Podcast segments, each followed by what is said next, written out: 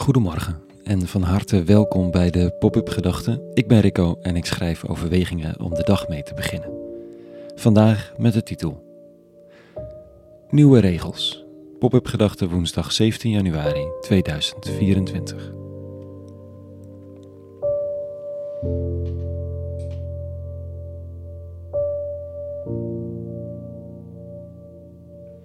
Wie hetzelfde blijft doen om iets anders te bereiken, zal hoogstwaarschijnlijk teleurgesteld uitkomen.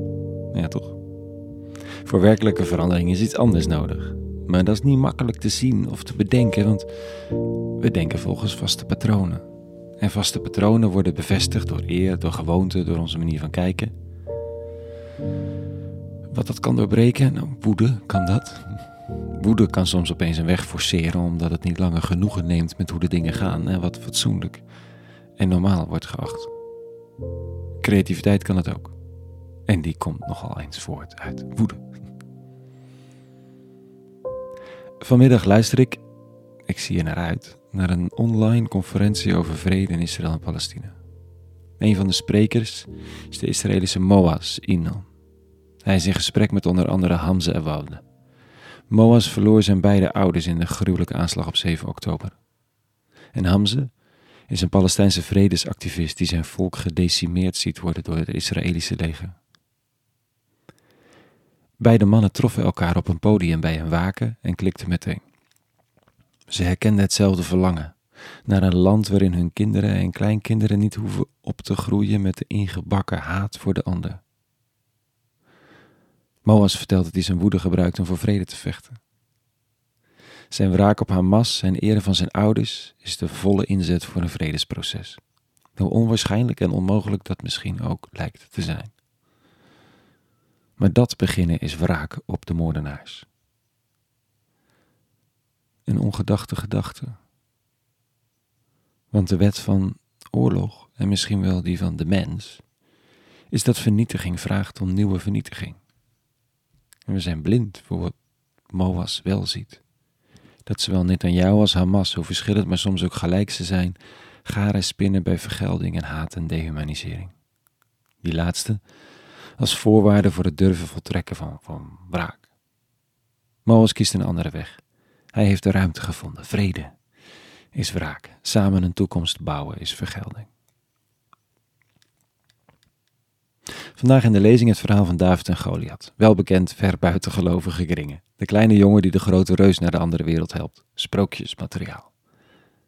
De kampioen van de vijand daagt het leger uit. Wie de winnaar in de tweekamp levert, heeft gewonnen. Dat zijn de regels en niemand durft. Behalve een jongen die herder is.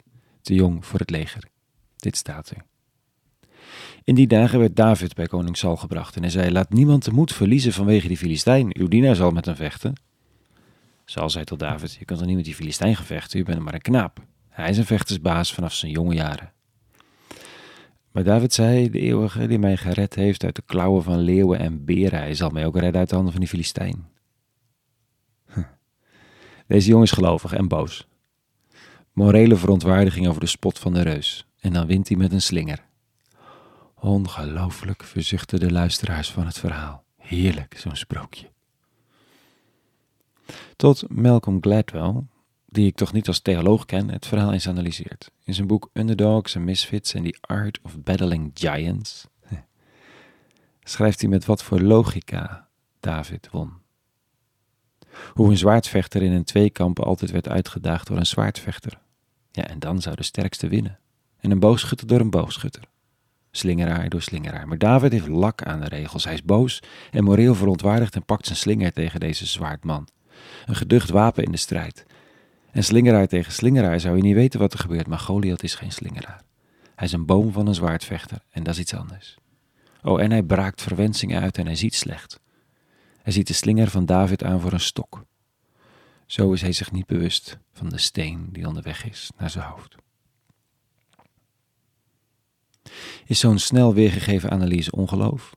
Het wonder eruit praten? Nope. David breekt de regels van het tweekamp omdat hij gelooft, omdat hij er klaar mee is, omdat het afgelopen moet zijn met de verwensingen en vernederingen en door het breken van de regels is hij opeens een geducht tegenstander. Zoals Extinction Rebellion dat is, een machtige beweging waar de overheid zich danig zorgen over moet maken. Ze gebruiken het demonstratierecht op een ongekende manier. Niet zomaar, maar uit woede, uit geloof en uit hoop, uit alarm over de staat van de planeet. En met succes. Er is meer mogelijk dan we denken. En buiten de regels denken is zo eenvoudig nog niet. Tot iemand het doet. Tot iemand boos genoeg is en een weg vindt. Omdat geen macht in de wereld gegarandeerd op haar plek zit. En woede, geloof en hoop soms hele nieuwe wegen creëren. Ik eer Moas en Hamze vandaag. En hoop op veel meer van hen.